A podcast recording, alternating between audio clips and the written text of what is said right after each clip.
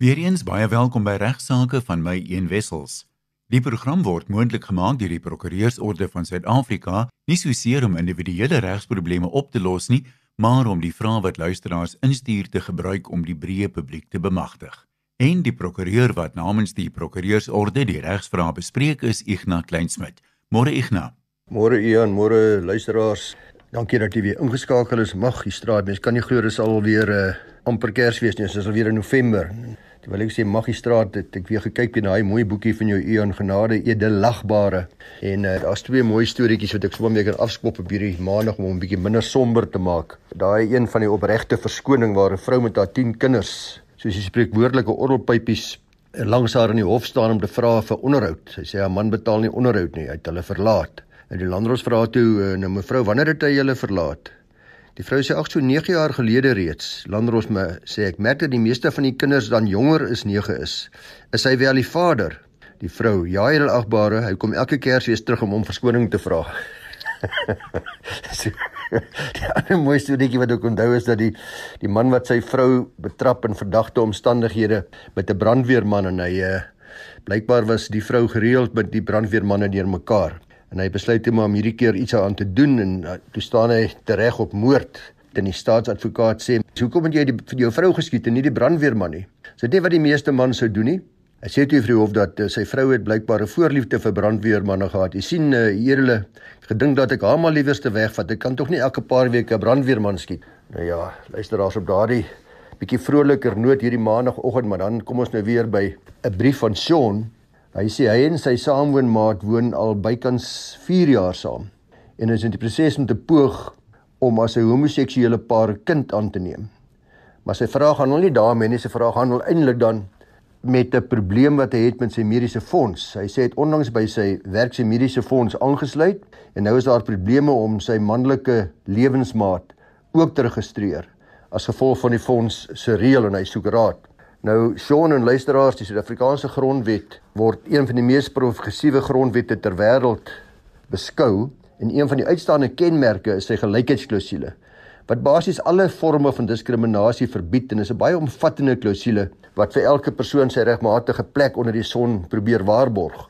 En ons grondwet is die enigste grondwet ter wêreld wat diskriminasie verbied teenoor 'n persoon op grond van sy seksuele oriëntasie. Dis artikel 9 se artikel 3 van die grondwet het onder andere bepaal dat niemand teenoor 'n ander persoon mag diskrimineer op grond van sy of haar seksuele georiënteerdheid nie. Die effek van hierdie artikel is dat daar dus hoegenaamd nie teen homoseksuele, gays, lesbies uh, of sulke verhoudings of huwelike gediskrimineer mag word nie. Nou in lange maat teen die minister van veiligheid en sekuriteit en ander in 1998 reeds het die hof na hierdie vorm van diskriminasie gekyk en uh, in hierdie geval was daar 'n kaptein in die Suid-Afrikaanse Polisie diens wat 'n lesbiese verhouding met haar vriendin gehad het. Hulle het saam as man en vrou in 'n spogwoonstel gewoon. Een het by haar salon gewerk en die ander een was 'n kaptein in die polisie. Die kaptein het toe aansoek gedoen by die Suid-Afrikaanse Polisie diens se mediese fonds skema dat haar vriendin as haar afhanklike teen die mediese fonds geregistreer moet word. Die voorsitter van die mediese fonds het die aansoek geweier. Sy het verontrief gevoel, uh, en het nagekom gevoel oor hierdie besluit en besluit om die hof te nader. En sy het aansoek gedoen waarin sy haar beroep het op hierdie artikel 9 subartikel 3 van die grondwet die gelykheidsklausule en 'n versoek tot die hof gerig het dat die besluit van die voorsitter van die mediese fonds tersyde gestel moet word aangesien dit inbreuk maak op haar reg op gelykheid en in besonder die feit dat daar teenoor haar gediskrimineer word op grond van haar seksuele georiënteerdheid subartikel 3 in sy beslissing in die hof bevind dat die regulasies van hierdie mediese skema inbreuk maak op haar konstitusionele regte. Die hof het die skema se reëls dus as onkonstitusioneel verklaar en ongeldig en die besluit van die voorsitter van die mediese skema was gevolglik tersyde gestel. Hierdie beslissing het alreeds so lank terug luisteraars en ook ons luisteraar wat geskryf het, dit is alreeds hierso soos ek gesê het in 1998 het dit die gevolg gegee in die bepalinge van die grondwet en die weggebaan vir homoseksuele paartjies om net soos enige ander persoon behandel te word wat betref hulle mediese fonds. Nou ek weet daar was al reeds en daar is nog steeds mense in, in sekere kringe wat beswaar sal hê teen hierdie tipe van beslissing, maar is 'n realiteit dat die grondwet gelyke regte waarborg aan ons almal en ook aan homoseksuele persone. Daar kan dit so die algemeen gesê word dat die gelykheidsklausule van die grondwet dit veroorsaak dat die individu se regte en sy voorkeure voorkeur kry bo die van kollektiewe groepe of uh, belangegroepe. Terloops ek kan ook vinnig verwys na die bekende saak van die twee en ander teen die Minister of Welfare and Population Development. En uh, die feite daar was die applikante was in 'n lang lesbiese verhouding en wou twee kinders gesamentlik aanneem. Op daardie stadium was die wetgewing egter so dat aanneming van kinders deur getroude paartjies moontlik was en was dit nie moontlik vir hierdie paartjies om kinders aan te neem nie. Alhoewel die applikante toe die geldigheid van artikel 17 van die Wet op Kindersorg en artikel 12 uitgedaag is ongrondwettig, uh, is dit toe teëgestaan deur die staat en hulle Die applikant het gepoog om hierdie beperkings wat op hulle geplaas word te verwyder sodat hulle wel die kinders gesamentlik kon aanneem. Nou ek gaan nie vermoei met al die feite van hierdie in die in, in al die argumente nie behalwe om te sê dat daar is geargumenteer en die hof het dit so ook aanvaar dat die uitsluiting van paartjies in dieselfde geslag 'n lewenslange verhoudings vir aanneming van kinders gesamentlik waar hulle andersins geskik sou wees om dit te doen in teenstelling is met met die beginsels soos vervat in artikel 28 se artikel 2 van die grondwet. En daai artikel van die grondwet lees dat 'n kind se beste belang is van deurslaggewende belang in elke aangeleentheid. Die hof sê dan ook dat die belange van die kinders moet eerste gestel word in hierdie saak deurdat 'n kurator ad litem aangestel is en die kurator ad litem wat dan die kinders verteenwoordig het, het onomwonde saamgestem en die hof ook so meegedeel dat die aanneming deur die paartjie gesamentlik in die beste belang van die kinders sal wees. Die hof het opgemerk dat die weglating uit die kinderwet ontneem dus kinders van die moontlikheid van 'n liefdevolle en stabiele gesinslewe soos vereis deur artikel 28 van die grondwet en die bedoeling van die hof blyk dus te wees dat die feit dat die paartjie uit twee dames bestaan nie noodwendig die kinders sal beïnvloed nie, maar dat die moontlikheid bestaan dat 'n potensieel beter situasie op hulle sal wag as om geen ouers te hê nie. So die voorwaardes van die kinderwet slaag dus nie daarom in die beste belang van die kinders eerste te stel nie en is teenstrydig met die grondwet. So ook het artikel 1 se artikel 2 van die voogdywet het insgelyks ook nie voorsiening daarvoor gemaak dat dieselfde geslag lewensmaat gesamentlike voogte van kinders kan wees nie en is die bepaling ook wesentlik strydig met die grondwet se bepalinge. So Sean luisteraars en almal wat uh, hierin belangstel, soos jy sal sien reeds lank terug is daar al hofsaake gewees en daar en daar's nog steeds derendheid uh, uitsprake wat dui daarop dat homoseksuele paartjies mensgeselde geslag verhoudings dieselfde gehanteer moet word as heteroseksuele verhoudings. Ek ontvang 'n e-pos van 'n bestuurder res van 'n winkelsentrum daar aan die suidkus. Sy sê ek moet tog nie die naam van haar winkelsentrum noem nie. Sy sê dat uh, daar by hulle sentrum is daar 'n reuse probleem met bedelaars. Terloops luisteraars uh, vir die van u wat Afrikaanse spellingfoonies is, reuse probleem is een woord, glo my maar. Maar sy sê daar's 'n reuse probleem met bedelaars, dwelmverslaafdes wat uh, daar by die sentrum leeg lê en rondloop en probleme veroorsaak en van die kliënte ook irriteer natuurlik en dikwels moeilikheid veroorsaak. Sy sê veral een van hulle vloek die kliënte en wil hulle anderhand as hulle weier om 'n geldjie te gee ensovoorts. Sy sê sy het al reeds alles probeer, maar die SAP sê hulle sal optree as daar 'n misdaad gepleeg is en dan kan hulle optree, maar intussen is daar niks wat die mense verbied om soos enige ander kliënte die sentrum te besoek nie. Sy sê dit is 'n uh, eh, tog betreding, is dit nie want die sentrum behoort aan privaat eienaars en sy is nou raad op en sy vra wat sy kan doen. Nou dame, daar is een hofsaak wat ek kon opspoor wat moontlik vir u die antwoord sal gee En dit is 'n hofsaak van die Victoria en Alfred Waterfront teen die polisiekommissaris van die Wes-Kaap. Ja, as ook Smit en ander. Dis 'n uitspraak wat gegee is reeds in 2003 op 23 Desember 2003 deur regter Desai van die Kaapse Hooggeregshof. Die feite daar was as volg en baie dieselfde as hierdie een van ons luisteraar dat die eienaars van die Waterfront het 'n bevel teen twee mense aangevra. Dis 'n meneer Smit en 'n meneer Benjamin. Daar's ook twee haweloses en hulle het hierdie tussentydse bevel gekry in terme waarvan hierdie twee haweloses verbied was om die waterfront perseel binne te gaan. Hulle was verbied om besoekers en besighede aan die waterfront te pla en skade te berokken. Hulle was verbied om enige werker van die waterfront aan te rand te intimideer of te dreig en daar is verder gelas dat indien hulle nie hierdie bevel sou gehoorsaam nie, die hof op dieselfde stukke genader kon word om 'n bevel van minagting van die hof te maak en kon hulle dan dien weer in konstig beboet of selfs tronk toe gestuur word.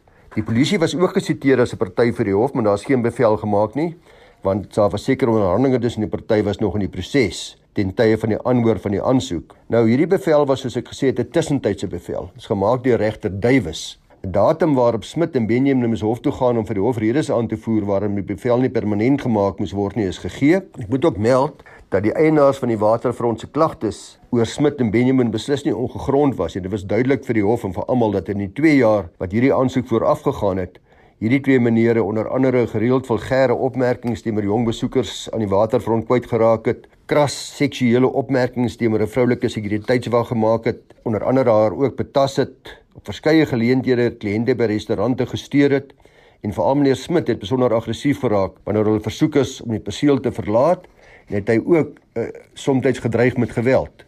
Daar was ook 'n klagte oor winkeldiefstal, maar daar was nie genoeg getuienis hieroor nie. Nou regter Desai het op die keerdag hierdie aangeleentheid aangehoor. Hierdie keerdag was slegs die een persoon Smit teenwoordig. Hy het niemand gehad wat hom regs verteenwoordig het nie. En die hof het gelas dat 'n amicus curiae, 'n vriend van die hof, aangestel word om hom te verdedig. Dis nou 'n prokureur of advokaat wat deur die hof aangewys is om iemand wat nie regsverteenwoordiging kan bekostig nie in die hof te verteenwoordig. So 'n prokureur of advokaat word dan nie vir sy dienste vergoed nie en lewer maar eintlik 'n welwillendheidsdiens aan die hof. Nou hierdie regsverteenwoordiger van die waterfront het toe die hof versoek om uh, die stukke te wysig om bevel te vra waarin residente ook verbied word om daar by die perseel van die waterfront te bedel. Die hof het hierdie versoek geweier en sê dit sou neerkom op diskriminasie teen die respondente op grond van die feit dat hulle arm is. Die hof sê verder by monde van regter te sê dat hy ernstige voorbehoude het oor die grondwetlikheid van so 'n verbod. Bedelary sê die hof lei dikwels tot spanning tussen mense se reg op lewe enerzijds en reg op eiendom anderzijds. As dit gebeur, moet die sakehuis reg op hulle eiendom in 'n mate soog voor bedelaars en boemelaars se reg op lewe. Die reg op lewe en op menswaardigheid is die belangrikste van alle menseregte. Die hof sê verder dat diskriminasie ten opsigte van armoede dus noodwendig lei tot diskriminasie ten opsigte van ras wat weer ook deur die grondwet verbied word. Nou die waterfront se saak luisteraars was daarop gebaseer dat hulle as eienaars van die waterfront die reg gehad het om hierdie twee moeilikheidmakers van hulle perseel te verbied. Maar die regsverteenwoordiger van die waterfront het geargumenteer dat die reg om iemand te verbied om eiendom te betree en die reg om beheer oor eiendom uit te oefen sekerlik een van die belangrikste en vernaamste regte is wat u en ek as eienaars van 'n perseel het. Verder verleen die grondwet ook beskerming aan eienaars van vaste eiendom teen aantasting van ons regte. En daar's verder gesê dat indien die hof die bevel sou toestaan soos versoek, dit nie sou neerkom op 'n inbreukmaking van die resmerentes reg op beweging van vryheid nie, aangesien die doel van die wetgewer was om die herinstelling van die paswetgewing wat in die apartheidsera bestaan het te voorkom. Regter Desai het hiermee glad nie saamgestem nie. Hy sê dat die eienaars van die waterfront se reg om mense te verbied om hulle eiendom te betree, gekwalifiseer word deur die eie soortigheid van die eiendom. Aan die woorde, kom ons nou ook by die winkelsentrum uit van ons luisteraar. Die waterfront is 'n gebied wat deur die publiek besoek word, ongeag of hulle bedoel om daar besigheid te doen al dan nie. As gevolg van die grootte en die ligging van die gebied is die waterfront eintlik 'n voorstad van Kaapstad sê die hof. Die hof sê dat dit om hierdie rede heeltemal verskil van byvoorbeeld die gewone klein winkel of restaurant. Indien mense verbied sal word om hierdie perseel te betree, sal dit neerkom op 'n inbreuk op daardie mense se reg op vryheid van beweging. So hier volgens blyk dit dat die grootte van die sentrum en die beskikbaarheid daarvan vir alle mense, met ander woorde is daar ook ander vermaak. Is dit nie net mense wat dit besoek vir besigheid nie, maar ook net welkom maar uh, na die winkelvensters te kyk ensovoorts of dit dalk ook op gewone winkelsentrum van toepassing sal wees. Die, die regter sê dat dit mag wel so wees dat 'n reg op vryheid van beweging beskerm word, maar dat wetgewing nie beperk is daartoe nie.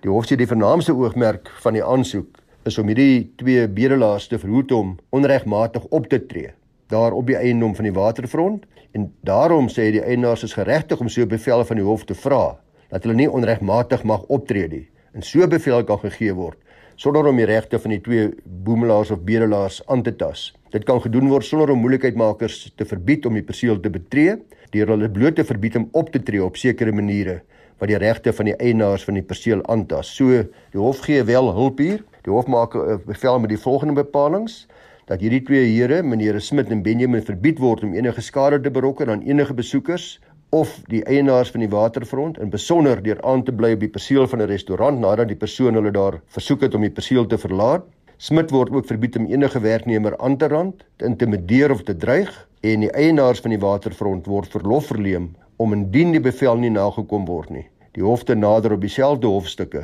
vir 'n bevel in terme waarvan hierdie persone skuldig bevind kan word in minagting van die hof en in terme waarvan 'n gepaste vonnis soos byvoorbeeld tronkstraf opgelê kan word. So aan ons briefskrywer, soos jy sal sien, ek dink daar is 'n remedie vir u. Jy kan die hof nader en ek is seker daarvan op grond van die Victoria en Alfred Waterfront uitspraak sal u geregtig wees op dieselfde regshulp teen die moeilikheidmakers daar by u sentrum.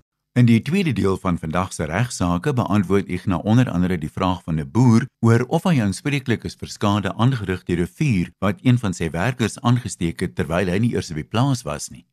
Ja, en luisteraars, ek ontvang 'n skrywe van 'n dokter Skoonraad van die Oosrand. Hy sê dat hy op 'n plot bly en met hoenders daar boer. Een van sy werkers het blykbaar 'n hoop vullis aan die brand gesteek en die vuur het versprei En hy die dokter sê hy verwag nou eise vanaf die buurman want daar was skade gewees op die buurplaas, op die buurplot, maar sy vraag handel eintlik met die feit dat hy sê hy was nie self op die plot op daardie stadium nie en hy het nie opdrag gegee dat die vullis verbrand moet word nie en hy vra of hy dan nou aanspreeklik sal wees vir die handeling van sy werknemer. Ek gaan tog vir ons luisteraars net weer verwys na 'n hofsaak wat gehandel het met die middelike aanspreeklikheid van 'n werkgewer vir die optrede van sy werknemer. Dit is die saak van Casper versus Andre Kemp boerdery BK in 2012. In daai saak het die boer Casper wat ook die appellant in die saak was, sy werker opdrag gegee om onkruid uit te trek. Dit het 'n bewaantjie te laai en te gaan stort in 'n ou verlate donga daar naby op die plaas. Uh die werker het die onkruid bymekaar gehark en maar in plaas daarvan om die onkruid in die donga te gaan stort, het hy 'n kort pad gevat en hy die kruid die onkruid op 'n stapel gegooi en aan die brand gesteek om daarvan ontslae te raak. Hierdie vuur het ook buite beheer geraak en het van die vlamme vinnig na die buurplaas, dis nou die Andre Kem boerdery versprei. Andre Kem boerdery het toe aksie teen Casper ingestel vir die skade wat gelei is op die plaas weens die brand wat deur Casper se werker gestig is. So die hof moes hier ook beslis baie soos in dokter Skoon raad se geval of Casper aanspreeklik gehou sou kon word vir sy werker se optrede indien die werker in stryd met sy instruksies opgetree het. Die hof uh, Akwo het bevind dat Casper wel aanspreeklik was vir sy werker se optrede en dus aanspreeklik was vir die skade wat ander Kemp boerdery gelei het.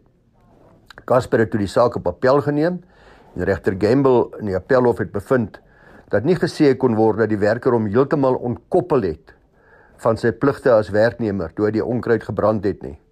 Sy optrede het binne die omvang van die onderskeid geval wat die hof gebruik in die Muhammad versus Centerguards die 2004 saak, naamlik 'n verbod wat die sfere van 'n diensnemings beperk en 'n verbod wat handel met die optrede binne die sfere van 'n diensneming. Die appelhof het bevind dat die feite van die saak binne die tweede van die opsies val, met ander woorde, die hof het verder bevind dat die optrede van die werker wel verband hou met die onbehoorlike wyse wat die werker van die onkruid ontslaag geraak het en die hof het die vraag gevra indien die werker nie opgetree het binne die loop en bestek van sy diens nie In wie se belang en in watter besigheid was hy dan besig om op te tree? Ek dink dieselfde vraag kan ook in dokter Skoondraad se geval gevra word alhoewel hy nie opdrag gekry het om dit te doen nie. Uh in hierdie geval wat ek nou bespreek het was daar inderdaad teenstrydige opdrag. En dis nie teenstaande is bevind dat die werkgewer middelik aanspreeklik was in die geval waar hy nie daar was nie en die werker opgetree het binne die loop van sy diensbestek met ander woorde as deel van sy diens in u belang en in u besigheid dan is die kanse dink ek mynsins goed dat daar middelike aanspreeklikheid bevind sal word. Die appelhof bevind dat Casper onmiddellik aanspreeklik was vir die optrede van sy werker en moes hy dus die skadevergoeding aan Kem boerdery betaal. Skrywe wat ek ontvang van mevrou Berry is 'n baie lang brief waarin sy groot detail die geskiedenis uiteensit van onderhandelinge tussen haar en besigheid wat sy gedoen het met 'n ander dame met die naam van Ingrid Onder andere sê sy het sy 'n groot bedrag geld aan haar voorgeskiet, dis baie naby 'n miljoen rand om onder andere 'n motor en meubels aan te koop en sy was baie goed vir haar. Maar sê mevrou Berry sy hoor nou by iemand anders dat die dame besluit het om so gou as moontlik sodra die COVID reëls dit weer toelaat en die lughawens weer beskikbaar is terug te gaan na Duitsland. Haar vraag van mevrou Berry is nou Wat kan sy nou doen om dadelik hierdie voertuig terug te vat en te bewaar of te hou totdat die geskil oor die geld opgelos is? Nou in Suid-Afrika het ons uh, my tydsgenote sal onthou het ons baie lanke prosedure gehad wat bekend gestaan het as arrest tanquam suspectus de fuga.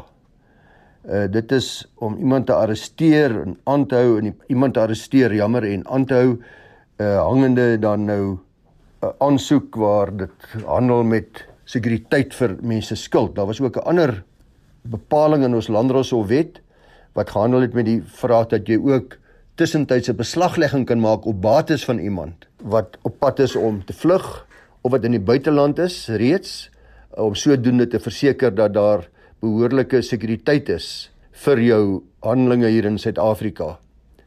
Nou die vraag of sy van mevrou Berry of sy hierdie dame kan keer om die land te verlaat en of sy dalk op 'n manier hierdie bates kan vinnig op 'n wyse kan beveilig is beantwoord in die saak van Tatiana Malachi teen die Cape Dance Academy International Pty Limited en vyf ander alreeds hier in 2010 in ons grondwetlike hof en ons konstitusionele hof. Artikel 30 van die wet op landroshoofwet op daardie stadium uh dit gemagtig dat daar 'n bevel verleen kan word vir arrest en aanhouding van 'n skuldenaar indien die skuldeiser redelike gronde gehad het om te vermoed dat die skuldenaar op pad is om uit Suid-Afrika te vlug om sodoende die betaling of die proses die invordering te vermy. Nou die applikant in die konstitusionele hof is hierdie Tatiana Malachi, sy is 'n burger van Moldova. Uh blykbaar was sy eksotiese danseres wat gewerf was deur die Cape Dance Academy International en nog 'n ander maatskappy vanaf Moldova om vir hulle te kom werk as 'n eksotiese danseres. Vir 'n paar maande het alles te goed gegaan. Toe besluit sy om terug te keer, maar gevolg haar kontrak moes hy sekere kostes met betrekking tot haar visa, haar vliegtuigkaartjies, akkommodasie ensovoorts moes hy terugbetaal en moes hy ook haar paspoort aan 'n verteenwoordiger van die Cape Dance Academy oorhandig. Hierdie akademie beweer nou dat sy in die maatskappy geld verskuldig is. Hulle vra dus nou op bevel in die landros of wat sy gearresteer moet word in terme van die bepalinge waarna ek nou reeds verwys het, hangende die finalisering van 'n eisteenaar. Nou hierdie prosedure, die arrest tankom suspectus de fuga, uh, word nou wel toegestaan en sy word gearresteer en in die Polsmoor korrektiewe sentrum aangehou. Sy doen aansoek by die Hoë Hof nou vir 'n bevel wat sê dat hierdie bepalinge ongrondwetlik is en dis ongeldig is. Luisteraars, die Hoë Hof stem met haar saam en verwys die saak na die konstitusionele hof vir bevestiging en die regter skryf daar 'n eenparige uitspraak en bevind dat hierdie bepalinge inderdaad ongrondwetlik is Die hof sê onder andere arrestasie van 'n persoon maak dit nie noodwendig makliker om die skuld te verhaal nie. Die vraag of 'n persoon in Suid-Afrika is of nie, is nie belangrik by eksekusie teen bates nie. Hierdie bepaling tas 'n persoon se reg tot vryheid aan. Dis degraderend die effek of gevolg van gevangesetting. Dit kan nie herstel word nie, veral as dit nou later blyk dat die geld dalk nie eers verskuldig is nadat die saak na hof toe gaan nie. Dis ondenkbaar sê die hof dat gevangesetting van 'n persoon ooit geregverdig kan wees, maar daar nog nie deur 'n hof bepaal is dat die geld inderdaad verskuldig is nie. So die grondwetlike hof bevind dat hierdie bepalinge nie redelik en of regverdig is in 'n open demokratiese samelewing gebaseer op menslike waardigheid, gelykheid en vryheid nie.